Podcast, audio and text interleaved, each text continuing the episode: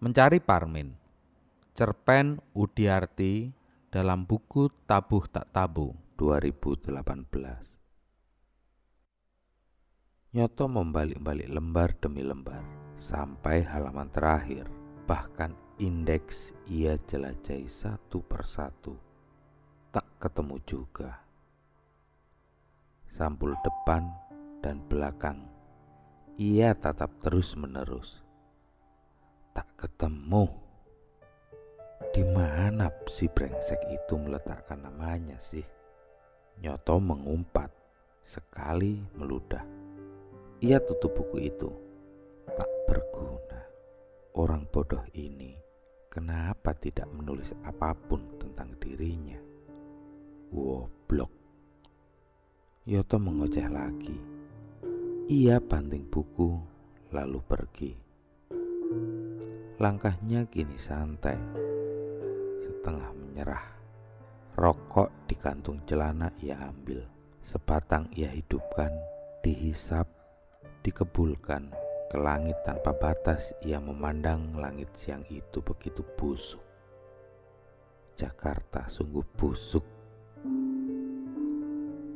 Hari Sabtu ini jadwalnya bercinta dengan Mariana ia sudah siapkan satu puisi untuk Mariana baca di depannya.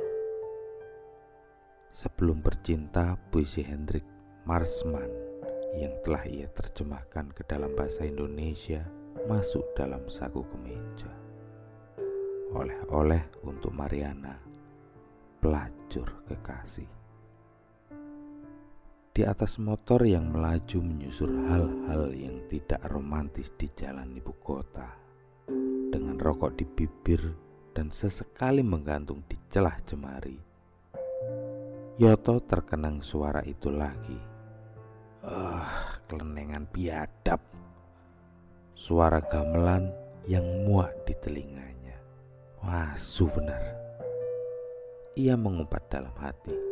Jauh-jauh ia menumpang hidup di Jakarta minggat dari Surakarta hanya untuk meninggalkan suara-suara gamelan itu. Tapi nada-nada pelok, selendro sudah menggantung di sisi gendang telinganya. Menyait-nyayat sampai malam tiba, sampai hening menemukan tubuhnya gemetar di ranjang sendirian. Sialan, ia teringat Sri.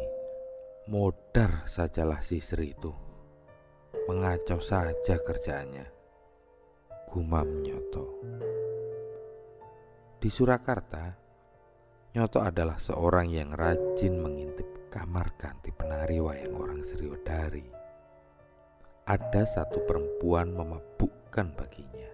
Sri Maria kepanjangannya punya masa lalu busuk tentang orang tuanya terobsesi dengan gamelan Jawa yang hanya akan merdu ketika dimainkan bersamaan.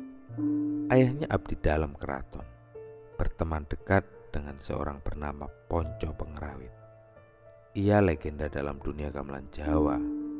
Ayah Sri tidak, hanya laki-laki abdi dalam keraton biasa.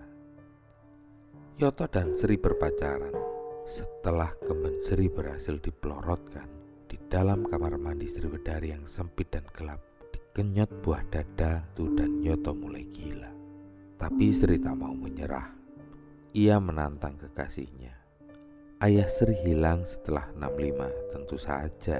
Ayah Sri yang mengikuti jejak sang legenda Ponco Pengrawit berjuang menentang kolonialisme dan harus diasingkan di tanah merah Digul berhasil membantu sang legenda membuat seperangkat alat gamelan dari perkakas-perkakas dapur di pengasingan. Lalu dikembalikan lagi di sisi keluarga masing-masing. Tapi mengikuti jejak Ponco Pengrawit adalah sebuah pilihan hidup yang berani sekaligus bunuh diri. Turut serta dalam partai politik kiri, siapa lagi jika bukan PKI? Membuat mereka didepak dari keraton, dipenjara, dan entah diperlakukan apa. Sri Kamang, kisah Ponco Pengrawit tertulis di buku sejarah, tapi ayahnya tidak. Sedang barangkali tepat di tahun ayahnya menghilang, Sri lahir ditinggal mati ibunya. Yoto terenyuh, sedih, punya cita-cita untuk menemukan nama ayah Sri di buku sejarah gamelan di Indonesia. Seperti tantangan Sri untuknya. Tapi tak ketemu. Dia mondar-mandir di Radio Pustaka Solo dan perpustakaan daerah. Tak ketemu juga. Ia marah. Sri Maria tak mau ketemu Nyoto lagi. Ia baru mau ketemu jika sejarah ayahnya yang bernama Parmin ia diketemukan dalam buku sejarah gamelan di Indonesia. Nyoto yang malang. Setiap mendengar suara gamelan yang sialnya ditinggal di daerah Kemalayan, tempat yang sering digunakan untuk latihan karawitan. Telinganya mengingat desah mungil dari bibir Sri dan candunya itu makin membunuhnya. Orang-orang tak mengerti tentang gamelan, mendengar suaranya di malam hari akan merasa takut, merinding, dan dihubungkan dengan klinik, mistis atau lebih parahnya santet. Tapi Nyoto tidak. Mendengar suara gamelan berarti membangkitkan birahi seksualnya ingin bercinta, ingin menuntaskan hasrat kemanusiaannya. Tapi dengan Sri, sialnya Sri tak mau lagi. Nyoto pun minggat ke Jakarta, melamar sebagai wartawan harian di salah satu media massa ibu kota. Bolak-balik mencari berita yang ia dapat melulu politik simpang siur. Ia bosan lantas bertemu dengan Mariana bergaun biru di rumah makan Cina. Perkenalan mereka. Jatuh cinta nyoto pada tubuhnya. Bergumul mereka di kasur indekos Mariana. Dan nyoto agar terlihat keren menyuruh Mariana membaca puisi sebelum mereka bercinta.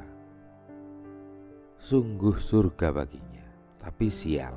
Selalu merenggut kesunyian percintanya yang agung. Ia dipindahkan untuk meliput berita-berita budaya, harus bolak-balik ke Taman Mini Indonesia Indah dan mendengar suara menyebalkan yang sungguh ia kutuk sedari dulu. Macam Sri mengikuti dan mengingatkan janjinya sampai mati. Mendadak ia ingin jadi pengikut Ponco Pengrawit saja memusuhi Belanda dan jadi kundi komunis di Indonesia. Ditangkap, lalu dibunuh. Ia akan menulis dulu hari-harinya sebelum peluru melubangi kepalanya. Tak perlu ia ketemu Sri dan ketakutan pada bunyi gamelan Jawa.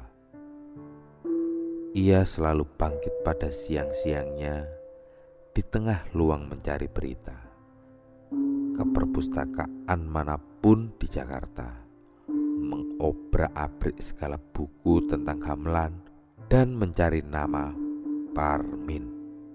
Tak pernah ketemu, hanya nama Ponco Pengrawit yang disebut dengan perjuangannya yang akhirnya dibunuh militer Orba. Beruntung seperangkat gamelan buatannya yang ditinggal di Digul diboyong semua ke arsip of the School of Music di Australia sana. Sebuah kebanggaan bangsa Indonesia. Sayang, penciptanya dibunuh sendiri oleh bangsanya sendiri. Ya, maklum, maklum saja. Toh sejarah diciptakan pula bukan untuk mencatat kebenaran, tetapi untuk kepentingan masa depan suatu kelompok.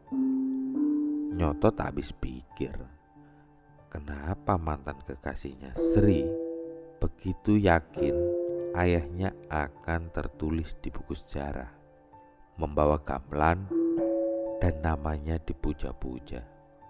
Nyatanya tidak, tak ditemukan satupun arsip tentang Parmin. Sri bercerita Parmin bertugas memegang kendali pada Kempul. Sambil menutup mata saja Parmin bisa membunyikan kempulnya dengan benar. Nyoto nyaris tersedak ketika ia tahu bagaimana cara memainkan alat musik kempul. Dipukul sesekali namun dinamis pada jalur nadanya. Meleset sekali jadi rancu. Tapi dengan cara macam itu, Memang pemegang kempul selalu bisa memainkannya dengan cara menutup mata. Karena yang dibutuhkan adalah kepekaan telinga untuk mengikuti susunan nada. Mata tak perlu repot melongok-longok pada kertas nada, apalagi menariknya. Tapi seandainya pemain kempul tak ada, kumpulan instrumen lainnya tak bisa didengar lengkap. Tetap rancu. Ah, tidak tahu. Nyoto mengupat lagi. Perjalanannya menuju Mariana terasa lebih jauh. Ditambah kepalanya pusing mendengar suara gamelan. Nyoto berhenti sebentar di tepi jalan. Ia mengambil kertas yang bertuliskan puisi Hendrik Marsman oleh-oleh untuk Mariana. Ia baca sebentar. Pelayaran. Kapal sepi dan hitam. Berlayar di malam larut. Lintas gelap hebat dan geram. Menyongsong maut. Maut Barangkali Parmen dan Ponco Pengrawit merasakan apa yang ditulis Marsman. Gila benar. Mau-maunya menyongsong maut. Katanya setelah membaca satu bait. Aku jauh di lambung, menggerang, keluh dan ngeri dan sepi, dan kutangisi daratan cerah yang tenggelam di kaki langit, dan kutangisi daratan gelap yang timbul di kaki langit. Oh, juga mereka berdua tengah mengisi negara ini. Malang kalian berdua.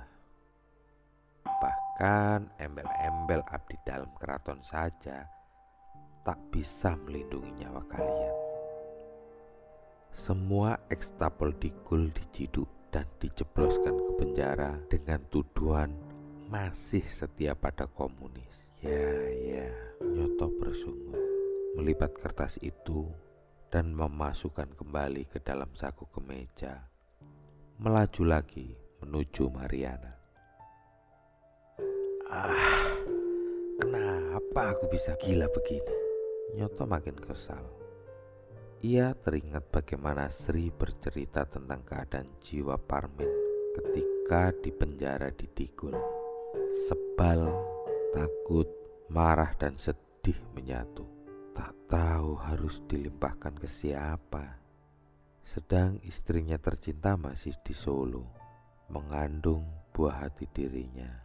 Tapi Sri tak pernah tahu bagaimana keadaan jiwa Parmin ketika diboyong oleh pemberantas PKI di tahun 65. Mungkin Parmin sudah siap, tapi mungkin juga tak terima. Ia adalah seniman. Ia punya tugas. Tugas seniman adalah menyusun apa saja yang sudah ada dari Tuhan untuk jadi sesuatu hal yang indah dan dapat dinikmati manusia. Jadilah nada-nada yang mengalun dari gamelan termuka kempul yang ia kendalikan. Nyoto akhirnya sampai di Indekos Mariana. Ia benai kemeja lengan pendeknya, warna biru tua juga kali ini. Rokoknya ia ambil, merokok dululah ia sebelum menemui Mariana di dalam kamar. Satu batang selesai, anjing, umpatnya. Suara gamelan kali ini ia hafal. Ini adalah nada-nada yang mengiring tari gambyong. Sialnya suara itu berasal dari kamar yang ia kenali, kamar Mariana. yang di depan pintunya ada sebuah tempelan kertas bertuliskan Mampus kau dikoyak-koyak sepi Salah satu kalimat dari puisi Kairil Anwar kesukaan Nyoto Tak berani ia mendekat ke pintu itu Takut menerima kenyataan bahwa suara gamelan itu memang berasal dari kamar pelacur kekasihnya. Nyoto mengambil rokok lagi yang kedua, merokok dengan kepanikan. Matanya berputar-putar mengintai sekitar, berjaga. Adakah yang aneh dalam pemandangan sekitar kamar Mariana? Tak ada hanya ada pot bunga sedap malam kesukaan Mariana. Ia harus tahu apa yang ada di dalam kamar itu. Ia harus memaksakan diri untuk mengetuk pintu. Pintu diketuk dua kali, tiga kali, empat kali. Tak ada yang beranjak. Suara gamelan masih terdengar dari kamar Mariana. Nyoto makin panik. Ia berusaha tenang. Ia sadar pintu kamar itu tidak dikunci di hari Sabtu agar Nyoto selalu bisa masuk tanpa menunggu. Aneh juga, kenapa ia harus mengetuk dulu sore itu? Dibuka pintu kamar itu, tak bergerak. Nyoto jadi patung. Gending Parianom masih mengalun dari dalam kamar. Mariana dilihatnya pulas, lengkap dengan gaun biru tua, dengan ginju merah merona tebal kesukaannya. Sebentar kemudian, kejantanannya naik melihat bagian bawah gaun Mariana yang tersingkap dan bah putih terpancar di sana. Tapi kemudian ia lunglai. Sosok lain di samping Mariana sedang berbisik di telinga pelacur kekasihnya itu. Nyoto menahan nafas. Gending hampir menuju pada bagian mundur beksan terakhir. Nyoto pun ingin mundur, tapi sosok di depannya membuatnya jadi patung. Sihir perempuan gaun coklat tua dan rambut bergelung berbisik pada Mariana. Tidurlah, ini akan jadi malam yang indah dan tak perlu kau bacakan puisi. Kau dengar saja kending dari gamelan ini. Tugasmu sudah cukup. Aku akan membawa Nyoto kembali, kata gadis itu. Nyoto diam, tak berani berargumen, tak berani menyuruh membaca puisi, tak berani mengumpat pada suara gamelan. Setelah ia lihat Sri tengah memegang ganggang pisau buah milik Mariana, sedang ujung yang lain menancap lembut di dada Mariana. Gending Parianom yang sebenarnya membahagiakan itu selesai dan berubah jadi malapetaka. Waktumu telah habis, Nyoto. Kau tak bisa menemukan sejarah ayahku dengan tepat waktu.